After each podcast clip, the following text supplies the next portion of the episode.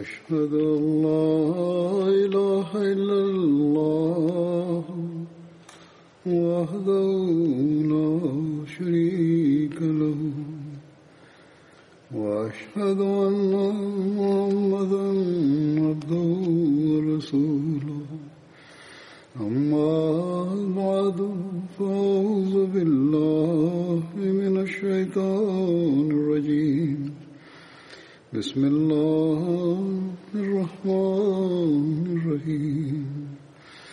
الحمد لله رب العالمين الرحمن الرحيم مالك يوم الدين إياك نعبد وإياك نستعين اهدنا الصراط المستقيم صراط الذين أنعمت عليهم غير المغضوب عليهم ولا الضالين بسم الله الرحمن الرحيم حضور كاجي Na prošloj hutbi sam govorio o Hazreti Sadu. Hazreti Sad je učestvovao u svim borbama uz časnog poslanika, salallahu alaihi wa sallam uključujući bitku na Bedru, Uhudu, ugovor na Hudejbiji, eh, bitku Kodrova, eh, kada je Meka bila osvajana. On je bio jedan od najboljih strijelaca časnog poslanika sallallahu alejhi ve sellem. U jednom hadisu se prenosi da u jednoj borbi eh, u kojoj učestvovao poslanik sallallahu alejhi ve sellem niko uz njega nije bi, ostao tad u toj borbi osim Hazreti Talhe i Hazreti Sada radi Allahu Anhu. Dok je govorio o polascima u borbe, Hazreti Sad radi Allahu Anhu prenosi da mi bi odlazili u borbu sa poslanikom sallallahu alejhi ve sellem i u takvom smo stanju bili nekad da nismo imali ništa da jedemo osim lišće sa grana u takvom smo stanju bili da smo se uh, hranili kao kamile ili koze i da je također njihov izmet bio kao u, u, u životinja, kao u kamila ili e, kao u, u koza e, vrlo tvrdo. U drugom hadisu se prenosi da na, je rekao naša hrana je bila e, grane od e, bambu drveta. Hazreti Sad, radijalahu anhu, je bio prva osoba koja je pustio krv radi islama i prva osoba koji je ispalio strijelu također radi islama. Ovaj događaj je uh, iz borbe Hazreti Ubejda bin Haris. Detalje su sljedeći. Ekspedicija je bila poslata u Rabiul Evelu. Ta borba se zvala uh, borba Hazreti Ubejda bin Haris. Uh, u Sirat Hatamu Nebijin, dok je govorio o ovome, Hazreti Mirza Bashir Ahmed Sahib piše, uzor kaže, vjerovatno sam spomenuo neke detalje ovog incidenta, možda i sve detalje, ali a, e, želim ponovo da ih spon, spomenem a, e, u kontekstu o, od Hazreti Sada. Na početku Rabio Levela, poslanik s.a.v. je poslao 70 a, e, muhađira, pod vođstvom Ubejda bin Haris Mutalabi. Svrha ove ekspedicije bila da jednostavno a, spriječe Mekanlije u njihovim planovima ili u njihovom napadu. Kad je Ubejda bin Haris i njegovi drugovi a, stigli blizu Sanijetul Murra, to je mjesto između Mekke i Medine, kroz koje je poslanik s.a.v. prošao kad je e, se preseljavao iz Mekke u Medinu. Primijetili su da je oko 200 ljudi e, pod vođstvom Ikrima bin Abu Džehal e, bili tu već. Oni su se tu sukobili i nekoliko strijeva je ispaljeno. Ali ta se borba tu završila zbog toga što su mnogobošci mislili da su muslimani imali neko pojačanje vojske iza a također ni muslimani nisu nastavili za njima dvije osobe iz e, te grupe e, nevjernika Migdad bin Amr i Utba bin Gazvan su pobjegli od Ikrama bin Abu Džahal i došli su kod muslimana. Oni su se tad pridružili muslimanima. Zabilježeno je da su oni a, ovu priliku iskoristili i pošli s ovim kurešijama tako da bi se spojili s muslimanima.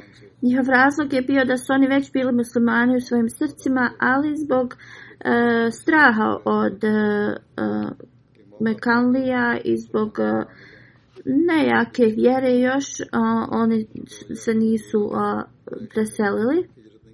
U drugoj hijđarskoj godini, džemadi u ula mjesecu, e, poslanik s.a.v. je E, naredio smorici Ensarija pod komandom Hazreti Sada bin Abu Vakasa radijalahu anhu i poslao je u mjesto Harar u izvidnicu da vidi šta, da oni vide šta Kurešije e, namjeravaju. Oni su stigli tu, ali se nisu sukobili sa neprijateljima. Onda se spominje još jedna borba u kojoj također Hazreti Sad učestvovao. Profesor kaže, ja sam već govorio o ovome, ali ću uh, spomenuti neke detalje iz Sirat Hatamu Nebin knjige. Kada je poslanik sallallahu alejhi ve sellem vidio šta uh, Mekalije i njihova ponašanja i sve, onda strategija je bila da se šalju izvidnice tako da se zna i, i posmatra iz blizine šta oni planiraju u vezi Medine i napada Medine. Uh, I zbog ovoga poslanik sallallahu alejhi ve sellem je naredio osmorici muhadžira koji e, su bili iz raznih e, kurejšijskih plemena da idu i rade tu izvidnicu. Poslanik sallallahu alejhi ve sellem je postavio Abdullah bin Jahsh e, njegovog rođaka da bude komandanta ove grupe.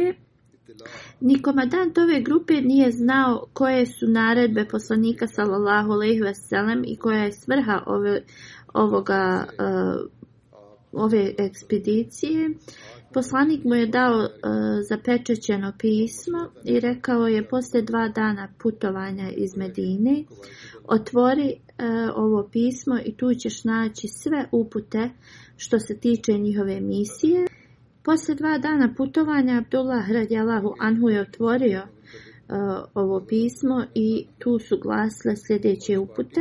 Idite u mjesto u dolinu Nahla koje je između Meke i Tajfa. Saznajte informacije o Kurešijama i odatle se vratite nazad. Onda je poslanik na dnu tog pisma napisao, poslije kad pročitaš ove upute, ako bilo ko od tvojih e, drugova ne želi da učestvuje, ima dozvolu da se vrati u Medinu. Abdullah radijalahu anhu je pročitao ove upute i e, sve instrukcije i svi ashabi su se jednoglasno s, e, složili da su oni spremni da izvrše ovu misiju i onda su oni krenuli prema Nahli, Sad, Binabi Vakas i e, Utba radijala Hanhus, oni su izgubili svoje kamele na tom putu i razdvojili su se od svojih drugova i ka, a, iako su pokušali i dali sve od sebe da se a, da ih sustignu i da se nađu, oni ih nisu mogli naći i tako grupa od osam je sada bila šest. Hazreti Mirza Bashir Ahmed u, o, u njegovoj knjizi e, je spomenuo jednog e, orientalistu, kritičara e, u, i, i šta je on napisao u vezi ove grupe ashaba.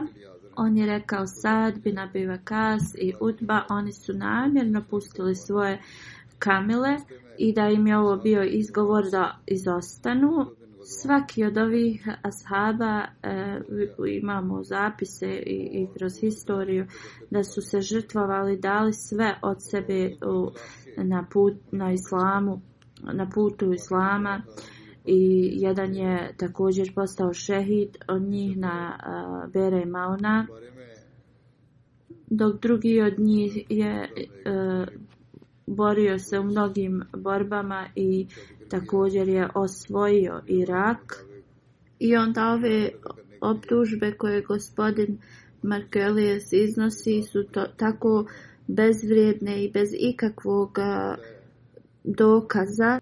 Ironično je da u svojoj knjizi gospodin Margolijos piše da je njegova a, knjiga totalno a, bez, napisana bez ikakvih predrasuda U svakom slučaju ova, ova mala grupa je stigla u Nahlu i a, e, počeli su sa svojom izvidnicom. Da bi e, prikrili svoje tragove, neki od ovih zaba su se ošišali na ćelavo, tako da o, ti ljudi u, u tom mjestu misle da su oni e, došli kao hodočasnici za a, umru, ali samo što su tu istigli i susreli se sa jednim malim karavanom a, Korešija koji su išli iz Tajfa u Meku. U ovakvoj situaciji, ako poslanik sallallahu alejhi ve sellem im nije naredio da se bore, jednostavno su bili izloženi da učine odlu, da odluče i oni su smatrali da ovaj mali karavan ili treba da zarobe e, te ljude ili da ih ubiju. I onda su oni e, počeli se boriti protiv njih, jedan je bio ubijen, a dvojica su bili zarobljeni. A kako god četvrta osoba je e, pobjegao i oni ga nisu mogli uhvatiti, tako da ova misija je e, bila smatrana... E, kao da je propala. Onda smo se mani pokupili te uh, stvari koje su bile na karavanu i oni se brzo vratili u Medinu sa ovim zarobljenicima i ratnim plijenom. Kada je poslanik sallallahu alejhi ve sellem saznao šta su ovi muslimani radili, e, pokazao je nezadovoljstvo i rekao im je da se nisu smjeli boriti u svetom mjesecu. Čas poslanik sallallahu alejhi ve sellem je odbio da uzme ovaj rat i plijen, a također s druge strane Mekanlije su a, digli veliku a, paniku i, i žalbu protiv ovoga i rekli su da su muslimani a, poništili a, svetost tog svetog mjeseca pošto je osoba koja je bila ubijena bio sin od e, poglavice, ali u stvari on je bio poglavica nekog plemena. I onda su nevjernici došli u Medinu e, na razmjenu ovih e, zatvorenika. Kako god dotad, Hazreti Sad bin Abi Vekas i Utba bin Gazvan nisu još bili se vratili. Poslanik s.a.v. se sallallahu alejhi ve sellem se bojao da ako su ih kurejšije uhvatili da ih neće pustati žive i zbog ovog razloga poslanik sallallahu alejhi ve sellem nije želio da ih e, oslobodi ove zarobljenike dok se ova dvojica e, ne vrate rekao je kad se moji ljudi vrate u Medinu onda ću ja da pustim vaše ljude Tako kad su se njih dvojica, oba dvojica vratili u Medinu, onda je časni poslanik sallallahu alejhi ve sellem slobodio ove zarobljenike. Kako god jedan od ovih zarobljenika, on je bio impresioniran e, tretmanom zatvorenika od muslimana i, i, i kao religijom celokupno e, da je on prihvatio islam i posle je e, postao šehid u toku uh, Bere Imauna. Hazreti Mirza Bashir Ahmed Saheb piše u Sirat Hatam Nebin u vezi uh, prije uh, borbe na Bedru. On kaže, poslanik sallallahu alaihi ve sellem je brzo krenuo prema Bedru i kad je prilazio Bedru, ne spominje se u, u hadisu zašto je to uradio, ali je uh, naredio, uh, naredio uh, Hazreti Abu Bekr radijalahu anhu da se uh, popne uh, i sjedne iza njega i krenuli su uh, ispred. U to vrijeme poslanik sallallahu alaihi veselam je uh, sreo nekog beduina. Od njega je poslanik sallallahu alaihi veselam saznao da uh, korešijska armija je bila vrlo blizu bedra. Kad je čuo ovo, poslanik sallallahu alaihi veselam je poslao Hazreti uh, Alija, Hazreti uh, Uzeira bin Alavam i Hazreti Sad bin Ebi Vakasa da uh, sakupe informacije. Kada su oni stigli na Bedar, vidjeli su da neki Mekanlije um, sipaju vodu iz bunara. Oni su napali te Mekanlije i uh, zarobili su nekog roba koji je bio iz Abesinije i doveli su ga poslaniku sallallahu alejhi ve sellem onda je poslanik sallallahu alejhi ve sellem pitao a gdje je armija on je rekao oni su iza uh, ovog brda ispred vas poslanik sallallahu alejhi ve sellem je pitao koliko ima ljudi uh, u toj armiji on je rekao ima ih mnogo ali ja ne znam tačan broj Poslanik sallallahu alejhi ve sellem je rekao U redu, onda reci mi koliko oni kolju kamila dnevno. On je rekao deset. Poslanik sallallahu alejhi ve sellem se okrenuo prema sahabima i rekao izgleda da ih ima uh, jedna hiljada. I ovaj broj je se poslije dokazao da je bio tačan.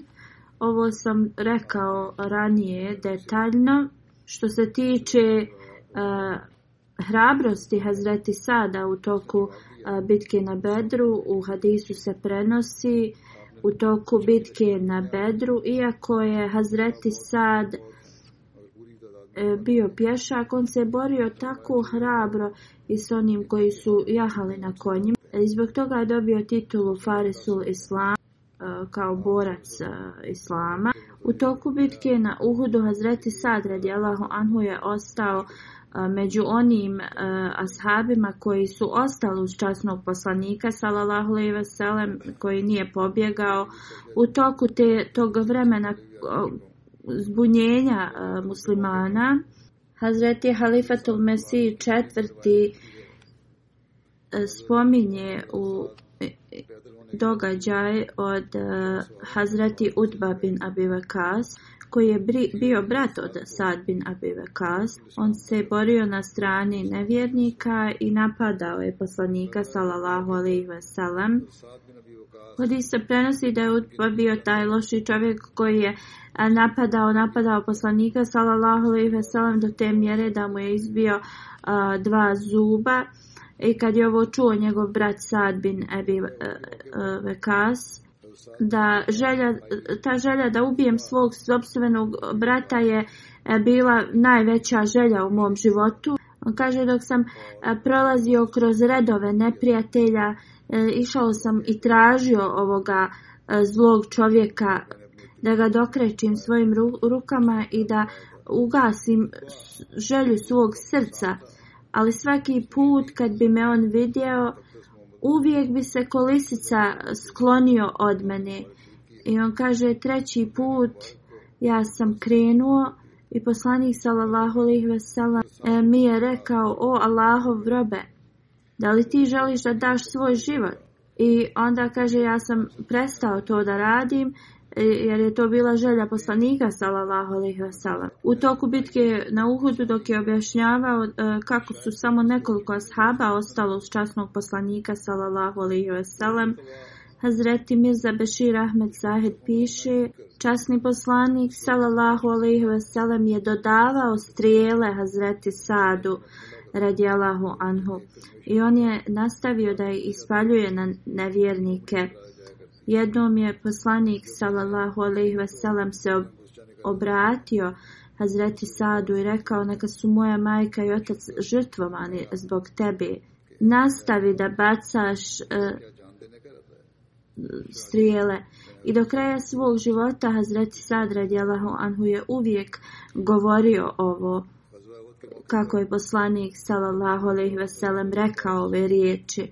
Bio je vrlo ponosan i u jednom hadisu se e, pre, prenosi da na dan Uhuda časni poslanik sallallahu alejhi ve sellem ovo on prenosi Hazreti Sad da je poslanik sallallahu alejhi ve sellem izvadio svoje strijele i proširio ih ispred Hazreti Sada rekao je ispaljuj ove strijele neka su moji roditelji žrtvovani radi tebe Hazreti Ali radijallahu anhu prenosi kaže nikada nisam čuo da je poslanik sallallahu alejhi ve sellem izustio ove riječi ne, ni za bilo koga osim uh, Hazreti Sada radijallahu anhu na uhudu časni poslanik sallallahu alejhi ve sellem je rekao Hazreti Sadu neka su moji roditelji žrtvovani radi tebe nastavi da ispaljuješ te e, strijele. Ovdje je vrlo uh, potrebno spomenuti da je komentar dodat uh, jedino ime zbog je bilo Zubair bin Alavam zbog kojeg je poslanik sallallahu alejhi ve sellem rekao neka su moji roditelji žrtvovani radi tebe. Ovo je ovo je hadis iz Buharija. Spominjujući Uhud Hazreti Sad radijallahu anhu uh, a, prenosi da poslanik sallallahu alejhi ve sellem je spomenuo oba dvoje svojih roditelja i rekli, rekao je neka su oni žrtvovani radi tebe a, Hazreti Sad prenosi da je tu bio neki e, idolopoklonik koji je radio mnogo a, problema muslimanima i da je poslanik rekao ispaljuj te strijele, neka su moji roditelji žrtvovani radi tebe. Hazreti Sad kaže, jedna strela nije ni bila dobro pripremljena, nije imala onaj oštri dio naprijed, ali je probala tog, čo, tog e, nevjernika i pos, kaže, vidjao sam na, na licu e, poslanika sallallahu alejhi ve sellem kako je bio zadovoljan i kako se je nasmijao od sreće. U drugom hadisu se prenosi ovaj e, hadis na sljedeći način, da ova osoba koja on se zvao, uh, ima njegovu u, u knjigama historije se spominje kao Haban, on je ispalio strijelu koja je pogodila u mi Ejmen uh, e, dok je ona davala vodu uh, ranjenicima. I Haban se je tad počeo da smije. Poslanik sallallahu alaihi ve sellem je tad dao strijelu Hazreti Sadu koja je pogodila grlo uh, tog Habana. On je pao i tada se poslanik sallallahu alejhi ve sellem nasmijao. U vezi ovog hadisa koji je zabilježen u Sahih Muslimu, Nur fundacija je prevela i dodala je e, kao e, komentar e,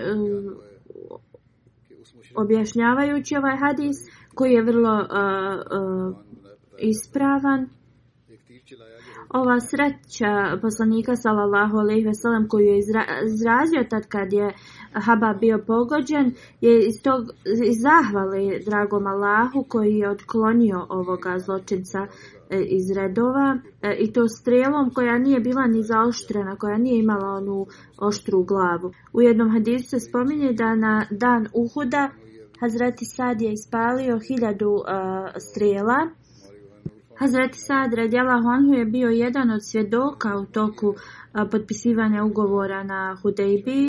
Kada su osvajali Meku, Hazreti Sad e, Radjela Honhu je držao jednu od tri zastave muslimana. Hazreti Sad Radjela Honhu se e, razbolio e, na Hadžetul Veda. Dok je spominjao ovo, Hazreti Sad prenosi kaže, razbolio sam se u Meki, bio sam skoro na samrti, poslanik sallallahu alaih veselem je došao da me posjeti. Rekao sam u Allahov poslaniće, imam puno imovine i imam samo jednu čerku koja će to da naslijedi. Da li ja mogu da dam dvije trećine kao u, u dobre svrhe? kao sadaku. Poslanik sallallahu alejhi ve sellem je rekao da to ne mogu da uradim. Onda je sam ga upitao da li mogu dati polovinu svoje imovine kao sadaku. Poslanik sallallahu alejhi ve sellem je rekao ne. Onda sam pitao mogu li dati jednu trećinu kao sadaku. Poslanik sallallahu alejhi ve sellem je rekao uh, i ovo i ovo je kao previše, ali da mogu da uradim. I onda je rekao, ostaviti svoju djecu u dobru imovinskom stanu, stanju je a, mnogo bolje nego da ih ostavite da, da traže od drugih.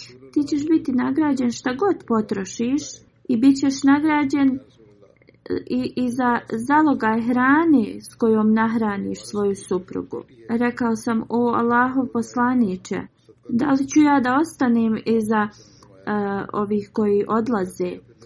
Poslanik sallallahu alaihi veselam je rekao, iako budeš ostao iza njih, tvoj status i, i, i tvoj, radi tvojih dobrih dijela i tvojeg žrtvovanja će da bude visok. I ja sam siguran da ćeš ti ostati uh, živ i posle moje smrti. I da će neke nacije da imaju korist od tebe, a neki ljudi će da e, dožive e, gubitke od tebe, kao da će i on poraziti. U drugom hadisu se spominje da posle ovoga poslanik sallallahu alejhi ve sellem se je molio na sljedeći način: Allahu moj, pomozimo im ashabima da ispune a, svrhu njihove emigracije i, i ne dozvoli im da se vrate neuspješni.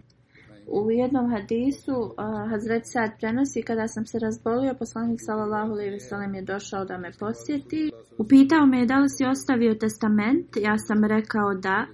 Rekao je Pitao me je koliko sam ostavio. Ja sam rekao, svu svoju imovinu ostavljam na Allahovom putu. Poslani sallallahu alaihi veselam je upitao me, šta si ostavio svojoj djeci? Ja sam odgovorio, svi su oni bogati.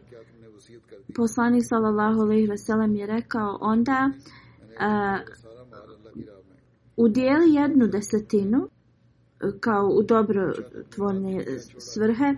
I Hazret Sad kaže, ja sam ponavljao ono što sam prvo rekao, ali poslanik sallallahu alejhi ve sellem je dalje uvijek govorio uh, isti odgovor. Uh, to jest da Hazret Sad je želio da da mnogo veći iznos za za sadaku i, i kao uh, vrstu uh, dobrotvornog davanja, ali poslanik sallallahu alejhi ve sellem ga je savjetovao da da um, mnogo manje. I onda do te mjere da je poslanik sallallahu alejhi ve sellem je rekao da smanji na jednu trećinu i da je to bilo uh, puno. I onda ovi koji se uh, bave ovim uh, šerijatskim uh, zakonom uh, jednostavno su se složili da uh, niko ne može, ne bi trebao dati e, više od jedne trećine e, svoje imovine u dobrotvorne e, dijela. Hazreti Muslima odredi Allah Anhu govori, hadis nam govori da kada se isplate dužnosti osobe posle njegove smrti, dugovi i tako te stvari, a, nije naređenje da, da se njegovo a, bogatstvo da u dobrotvorne a, svrhe. Časni poslanik sallallahu alejhi ve sellem je rekao e, da neki od vas donesete svo svoje bogatstvo radi sadake, ali onda tražite od drugih. E, sadaka se daje na onu e, na, na iznos onaj koji vam preostane kad izmirite svoje potrebe poslanik sallallahu alejhi ve sellem je rekao: "Bolje je za vas da ostavite svoje potomstvo, svoju djecu u dobrom a, e, finansijskom stanju, radije nego da ih ostavite bez bilo čega i da oni ne budu ostavljeni da moraju da idu da traže od drugih ljudi." I slično spomenuto je u hadisu da je Hazreti Sad radi Allahuanhu tražio da dodijeli dvije, dvije trećine svoje imovine kao sadaku ali poslanik sallallahu alejhi ve sellem mu je to zabranio. Onda je tražio da da pola, ali poslanik sallallahu alejhi ve sellem mu je zabranio i to i onda je tražio jednu trećinu da da svoje imovine. Poslanik sallallahu alejhi ve sellem mu je dao dozvolu za to. Rekao je: "Možeš da daš jednu trećinu, ali i to je veliki iznos." i znači to da e, što neki govore da kao islam što god imamo iznad e, svojih potreba e, da mi to trebamo da damo kompletno kao za islam to je protiv učenja islam i i praksi ashaba jer prema praksi ashaba Hazreti Sad eh, bin Abi Vakas prenosi kad sam se razbolio u Mekki poslanik sallallahu alejhi ve sellem je došao eh, kod mene i stavio je svoju ruku na moje srce osjetio sam neku eh, kao da mi razhlađuje to i rekao mi je poslanik sallallahu alejhi ve sellem da imam neku bolest na srcu odi kod Harisa bin Kalada brat od Banu Sakif reci mu da uh, on, je, on je kao doktor recimo da uzme sedam ađva uh, eh, hurmi iz Medine neka ih samelje sa uh, njenim uh, košpicama i onda da to piješ kao lijep prenosi se u jednom hadisu da poslanik sallallahu alejhi ve sellem je postavio uh, specifičnog doktora da se brine o Hazreti Sadu i rekao je iako e, Hazreti Sad premine u Meki, on ne treba tu da bude ukopan, treba da se e, prenese u Medinu i da se ukopa u Medini. Hazreti Muslima odred Jalahu Anhu pren, e, govori e, u vezi događaja e, u vezi lova e,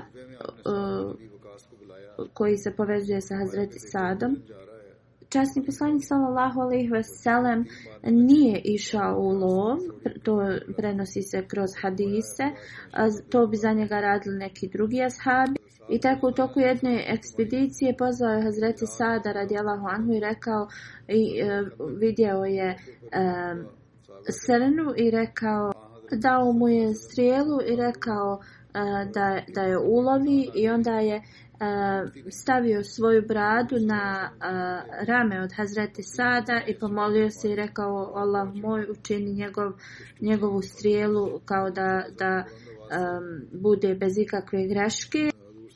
Uzvišan Jela je dao čast Hazreti Sadu da on bude taj osvajač Iraka. Uh, jednom uh, kad su, u toku borbe uh, kod rova e, ashabi su došli kod poslanika sallallahu alejhi ve sellem i rekli su da ima neka velika stijena koja ne želi da e, kao ne mogu je da da razbiju e, poslanik sallallahu alejhi ve sellem je otišao i udario je tri puta po toj stijeni i svaki put kad bi udarao ta ta bi stijena se počela da puca pola, pomalo čas poslanik sallallahu alejhi ve sellem bi uzviknuo Allahu akbar što bi ponovili ashabi Svaki put kad bi udario po toj stijeni, dok je to radio, poslanik sallallahu alaihi ve sellem je rekao, ja sam vidio da bijela kule uh, uh, padaju i to što je ugledao uh, je bilo ispunjeno u, u rukama Hazreti Sada radijalahu anu. Postavili su dvije velike uh, moći u, u okolini Arabije u to vrijeme. To je bio Cezar i Čosrojz uh, koji je... Uh, Irak je bio pod njegovom vlasti i u Medajn njegova pala, e, tvrđava je dvorac taj bio.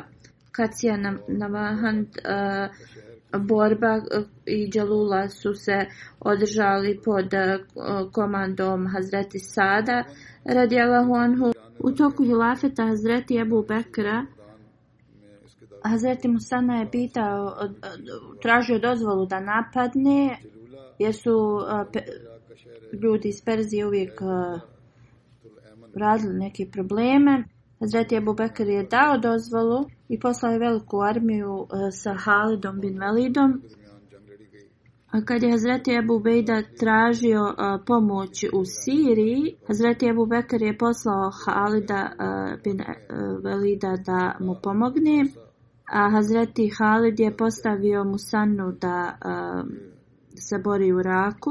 Kako god, čim je Hazreti Halid napustio Irak, eh, sva ta vojska izgubila taj neki eh, moment, momentum eh, i kad je Omer Adjela Honu postao halifa, on je opet usmjerio pažnju prema Iraku. Hazreti Musana je imao velike uspjehe u Iraku kada su neprijatelji ugledali a, kako muslimani se pojačavaju i onda su i oni usmjerili svoju pažnju i onda je bila smjena u tim kraljevima i ovaj novi kralj je u, u, ujedinio sve i povećao tu neku mržnju prema muslimanima i pod ovim uvjetima Hazreti Musana je morao se povući sa te granice. Kad je Hazreti Omer saznao u vezi o, o, ove odluke da se muslimani povuku, onda je e, širom Arabije poslao e, ljude da jednostavno pozivaju e, muslimane u rat protiv njih. I ovo je uzburkalo sve muslimane i došli su u uh, centar e, hilafeta, bili su spremni da idu u borbu. Hazreti Omer je e, tražio savjete ko da bude predvodioc ove ekspedicije. Posle toga, e, ljudi, posle tih savjeta, Hazreti Omer je djelahonhu je htio da on ide na čelu te armije. Ali Hazreti Ali i drugi uh, ashabi su uh, bili protiv ovoga, ove odluke i onda je Hazreti Said bin Zaid ime bilo a, pred, predloženo, ali tada je Hazreti a, Abdurrahman bin Auf ustao. O vođo a, vjernika, rekao je, obiratio se halifi, ja znam pravu osobu za, za ovu ekspediciju. Hazreti Omer je upitao ko je e, ta osoba i Hazreti Abdullah bin Auf je rekao Hazreti Sad bin e-, Ebi Vakas. I svi su se složili u vezi Hazreti Sada. Hazreti Omer je rekao, on je hrabar i čovjek bez straha i odličan strijelac. Hazreti Musana je čekao Hazreti Sada sa 8000 um, ljudi u mjestu između Kufe i Vaseda, ali u toku tog vremena on je preminuo i postavio je svog brata Hazreti Muanna kao komadanta te armije prije nego što on preminuo. I prema uputama Hazreti Musane, njegov brat je se sastao sa Hazreti Sadom i dao upute od svog brata. Hazreti Sad je ispitao svoju armiju koja je bila otprilike 30.000 ljudi. Hazreti Sad je razdijelio uh, tu armiju u različite e, bataljone i za sve je e, postavio kao e, zapovjednike i onda su na, nastavili naprijed i napali su Kadsiju. To se desilo u pred kraj 16. godine poslije Hidžre. Nevjernici su otprilike bili oko e, 280.000, imali su e, 30 slonova i Rustum je bio komadant iranske armije. Hazreti Sad je pozvao nevjernike u islam i poslao je Hazreti Mugira Min Shoba za ovo ovaj vladar je rekao kao da će on njih nagraditi, da on zna da su muslimani e, podnijeli neke kao teškoće i, i tako slično. Nazreti Mugira je rekao mi odgovaramo na poziv poslanika sallallahu alaihi veselem i da je, bi za njih bilo bolje da prihvate ovo što je on e, predložio. A drugim riječima ako ne prihvate onda će e, da jednostavno se e, suoče sa mačevima, to jeste da će borba izbiti i i oni su bili ti koji su započeli tu, tu borbu musmani nisu htjeli da se bore oni su i pozvali u islam ali pošto su oni insistirali da se bore onda su muslimani rekli a, u redu neka se onda ovo a, izjednači sa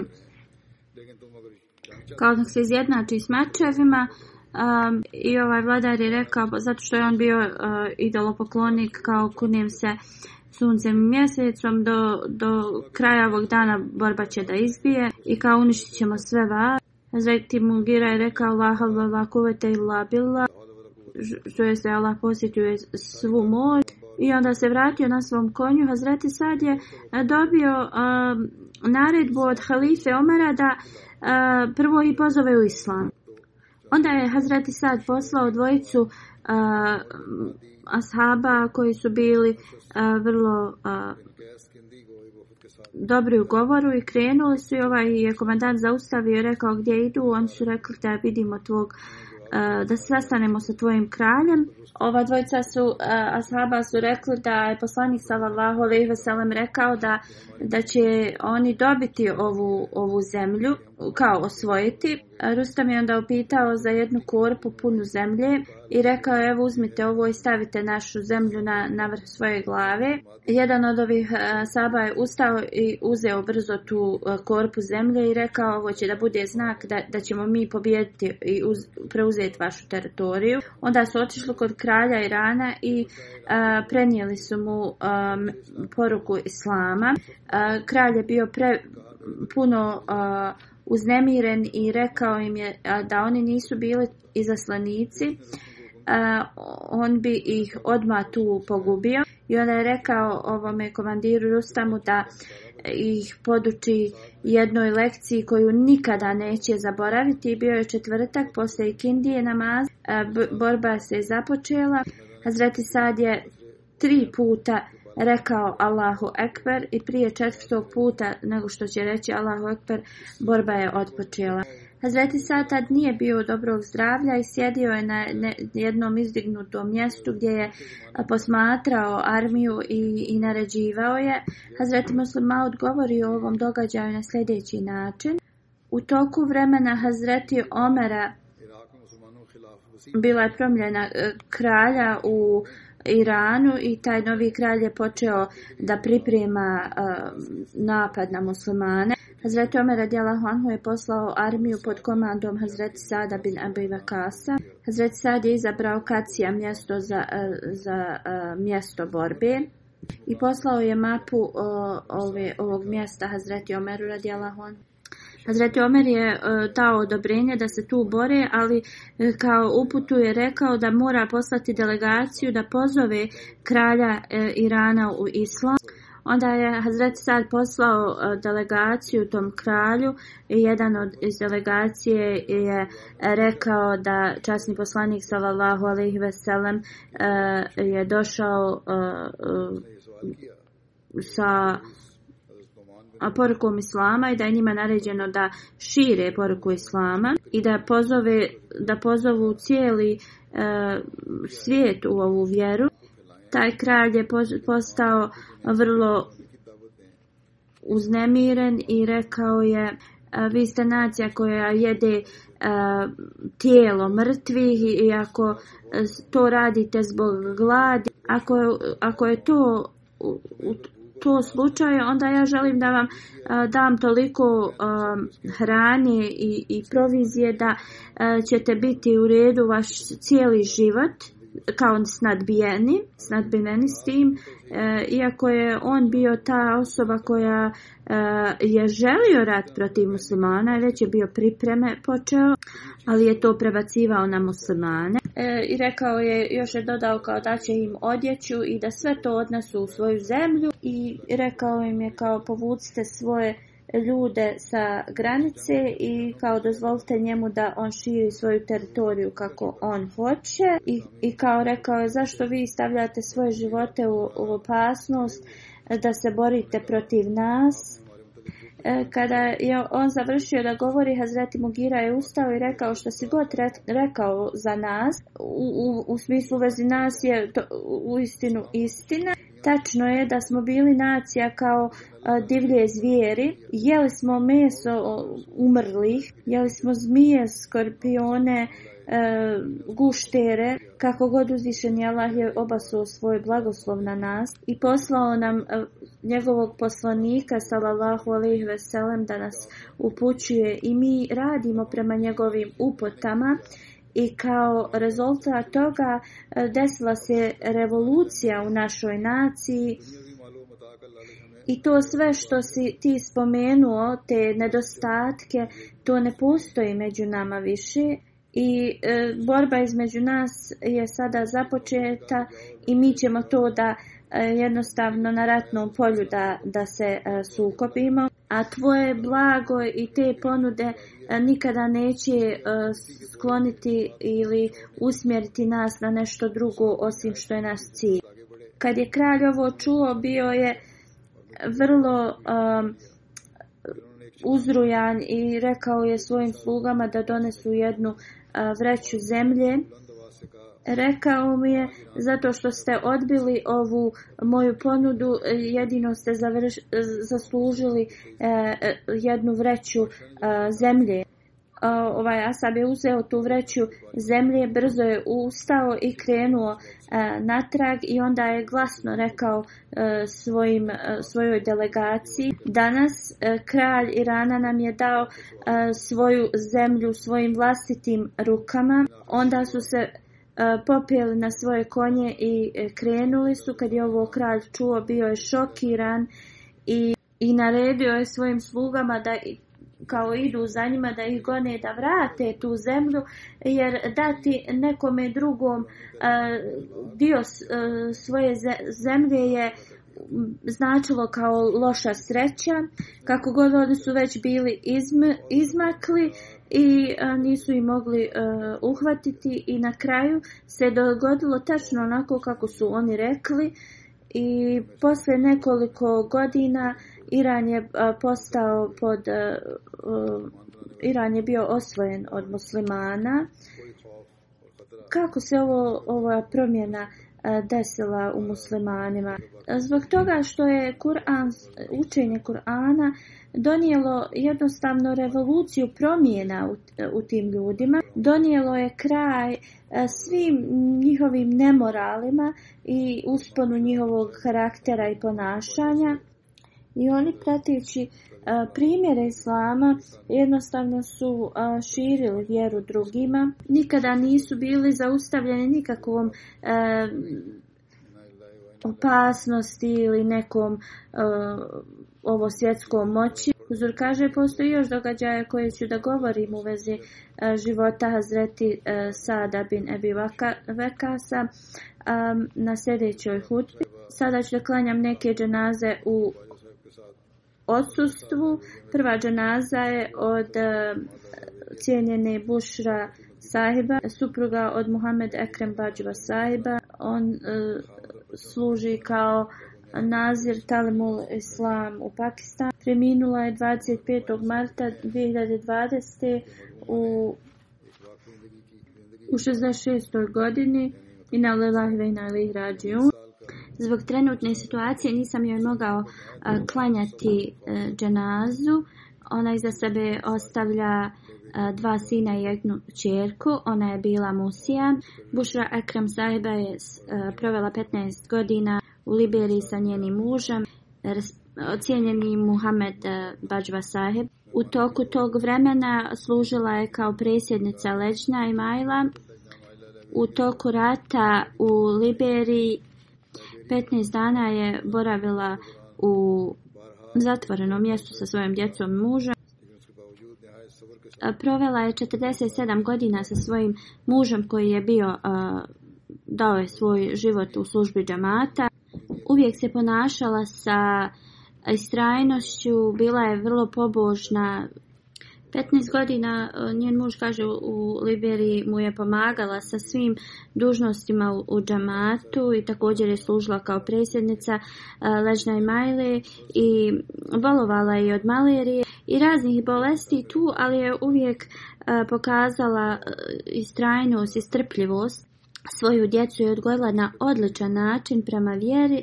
Hvala Allah, njena djeca su uh, uvijek uh, uz džemat. Mansur Nasir Saib, koji je također e, dao život u službi džamat, e, piše tri godine dok sam služio u Liberiji, dok sam bio sam, e, uvijek sam bio gost u njihovoj kući i brinula se o meni kao da sam bio njeno dijete ili njen mlađi brat. Da uzvišeni Allah podari njenoj djeci da budu primavci njenih dova i da nastave da rade njena dobra djela, da joj podari oprost i milost. Drugi, uh, druga dženaza je od uh, Iqbal Ahmed Nasir Saheb. Preminuo je 14. jula 2020. godine u 82. godini Ina Lillahi ve Ina Ilih Rađiun. Njegov sin Ahmed Akbar Saheb je misionar eh, koji služi u Burkina Faso. On piše da otac od njegovog oca je bio uh, ashab obećanog Mesija alaihissalama i bio je e, unuk od Mija e, imam Mudin koji je bio također ashab od e, obećanog Mesija alaihissalama. Uvijek je bio aktivan u, uvijek u džamatu i u svim aktivnostima u džamatu i dugo vrijeme je služio kao a, financijski sekretar i mnoge druge a, urede, a, e, u, u mnogim drugim uredima je služio u džamatu.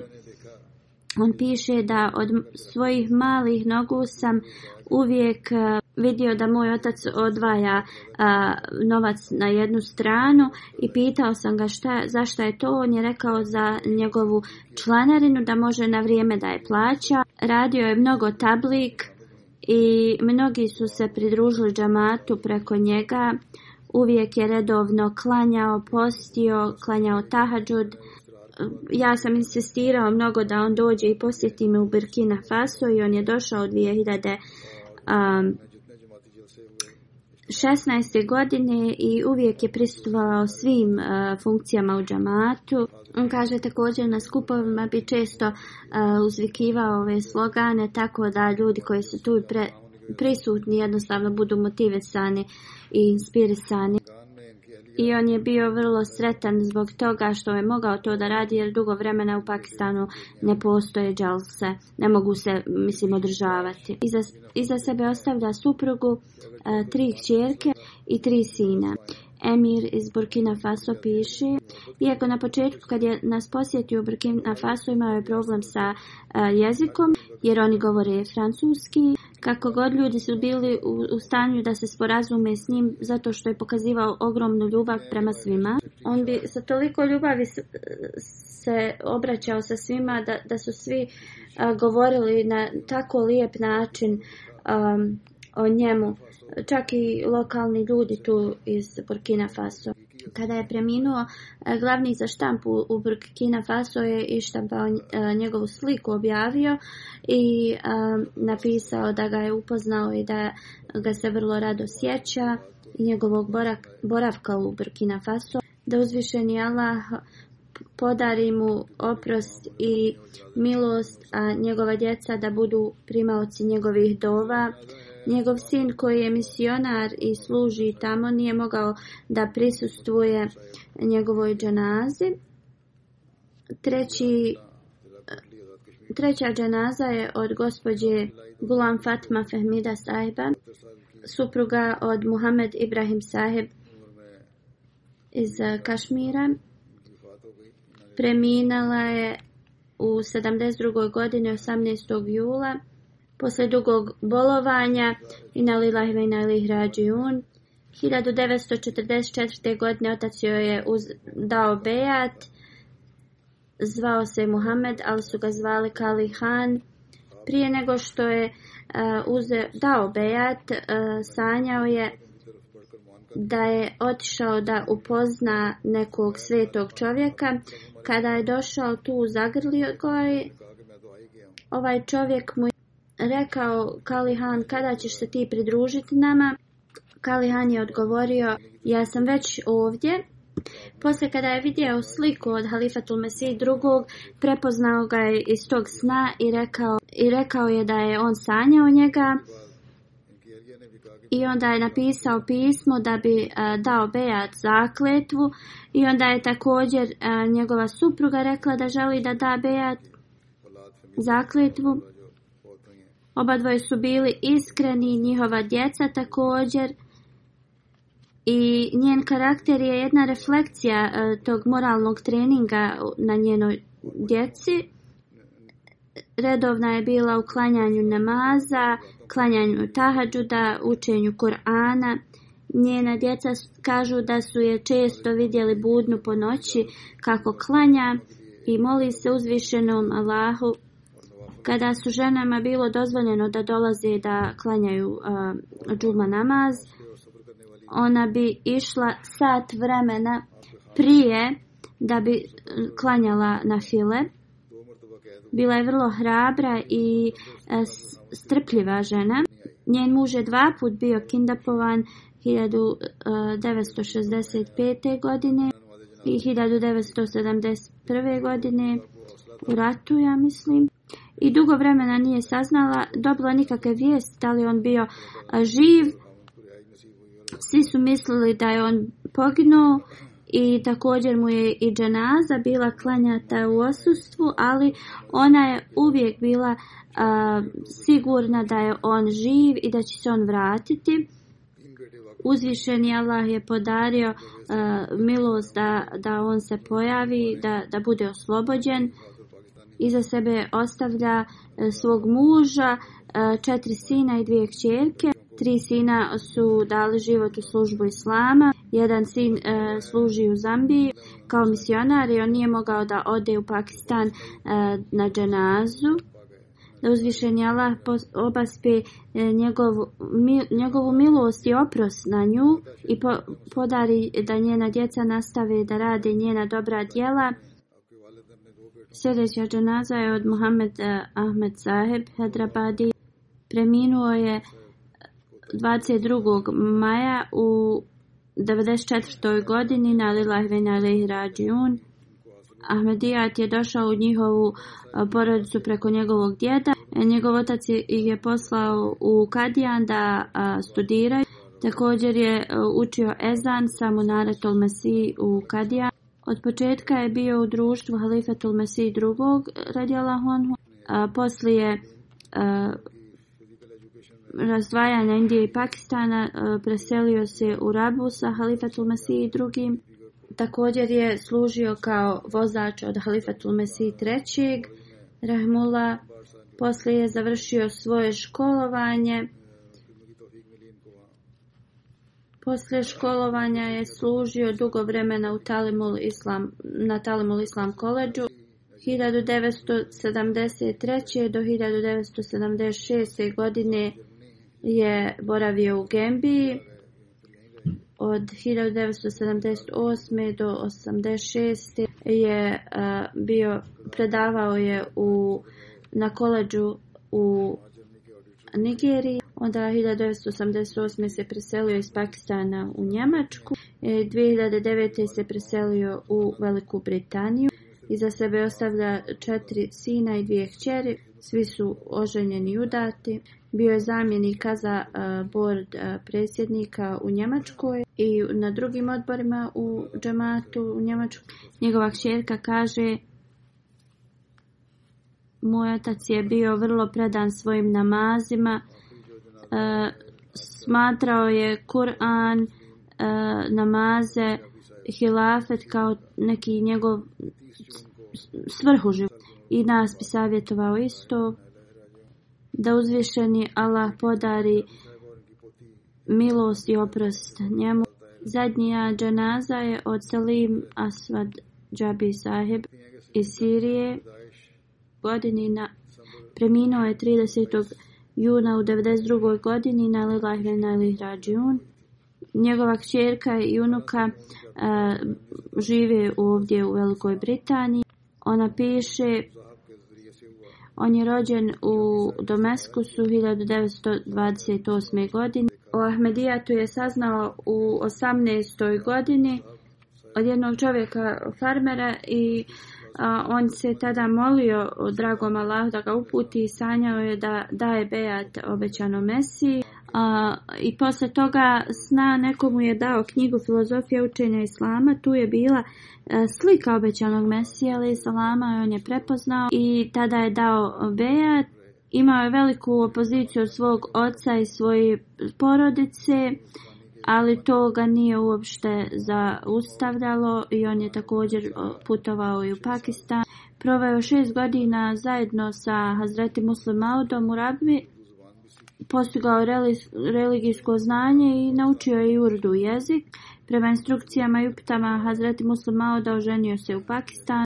Hazreti Muslim Maud mu je uh, održao uh, šarijetsko vjenčanje. Uh, Njegova supruga je pakistanka. Njegova hćerka Hibal Džabi sahiba piše unuka. U stvari e, kaže da naš djet bi nas uvijek savjetovao u vezi obrazovanja i moralnog e, treninga. Uvijek bi nam govorio e, da moramo razvijati naše duhovno stanje i vezu sa hilafetom. Njegova supruga je preminula nekoliko godina prije. Imali su šest kćerki jedan sin je e, kindapovan prije šest godina i još nemaju nikakve informacije o njemu. Jedno djete mu je u Holandiji, dva sina i dvije hćerke su mu u Siriji. Hibal Džabi Saiba e, radi ovdje u džamatu i uvijek ima dobre sa e, posebno u prevođenju knjiga i također pomaže svom mužu u, u prevodima da je Allah podigne u povisi njenu iskrenost i lojalnost i njenom znanju također njegova druga šćerka piše naš otac bi nam uvijek zabranjivao uh, ove novotarije uvijek bi radio tablik i trošio bi na siromašne mnogi ljudi u Lebanonu i Siriji su da uh, uzeli bejac zbog njega radi njegovih uh, uh, propovjedanja vjere. Također neki krš, kršćani su to primili islam. Uvijek nam je govorio da budemo uh, povezani s hilafetom, da slušamo halifu vremena. Uvijek je rekao da se brinimo, da radimo tablik i da se ne brinimo o tome ako nam ne, neka nepravda bude uh, E, učinjen. Nacionalni presjednik iz Lebanona piše Prije nego što sam primio Ahmedija, čitali smo knjige koje nam je on davao i koje su govorile o dolasku uh, imama Mahdija. Kad bi pročitali ove knjige, onda bi nam on govorio detaljno o obećanom mesi njegovom džamatu. Onda bi nam naredio da trebamo da uzmemo Bejat. Ovo je bio njegov eh, jedinstven stil, ali naravno sada ovo nije u svakoj situaciji a, eh, moguće. U svakom slučaju on bi radio tablik na ovakav način i mnogi ljudi su prešli, primili Ahmedijat. Čitao je mnogo a, eh, literaturu džematsku. On dalje piše, mnogi Ahmedi u Lebanonu su a, primili Ahmedijat preko njega i mi a, E, jednostavno se e, kao zahvalni su na, na tome. Kazak Saib e, koji je iz Sirije, ali trenutno boravi u Kanadi, piše Kada sam služio kao lokalni presjednik u Siriji, imao sam mnogo, mnogo puta sam se sastao s njim. Kad bi god se spominjao Hilafet, on bi govorio da bi volio da odje s ovog svijeta, a da bude u društvu halife. Misionar koji je Arab ovdje u Velikoj Britaniji kaže kad bi god dobio neko naređenje od halife, on bi uvijek uh, pokazao kompletnu poslušnost. I uvijek bi govorio ja ću da ispunim svaku naredbu od Nizami Džavanta.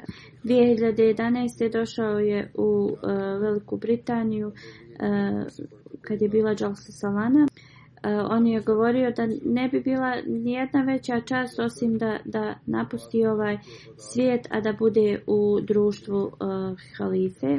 Mnogi ljudi su pisali u vezi njega i da su naučili Ahmedijatu nje, od njega. Al-đabi saheb kaže da mu je jedan čovjek rekao da prevede njegovu knjigu. Hayati Kutsi tako da Arapi mogu da nauče kakve su bile sahabi obećanog Mesija alaih salama. I on je preveo Hayati Kutsi na arapski jezik. To je, a, a, a, arapski jezik je njegov a, materni jezik, ali on je također a, naučio urdu i perzijski. Također je znao i engleski. 2005. kad sam otišao u Kadijan, Huzur kaže, on me... A, e, sastao se sa mnom, imao je sastanak, vrlo kratak sastanak, ali me sastao se sa mnom sa velikom poniznošću. Onda me e, također vidio u e, Velikoj Britaniji na Jalsa Salani i rekao mi je da imam potpunu vjeru u Ahmedijat i potpuno sam e, poslušan Hilafetu. Imam veliku ljubav i molim te, moli se za mene da uvijek ostanem e, uz džemat, da uzvišeni Allah podari da i njegova djeca i potomstvo budu uvijek uz hilafet, da uzvišeni Allah obaspe njegov oprost i blagoslove na njega. Poslije džuma namaza klanjaću dženazu u osustvu svim spomenutim ljudima. Alhamdulillah.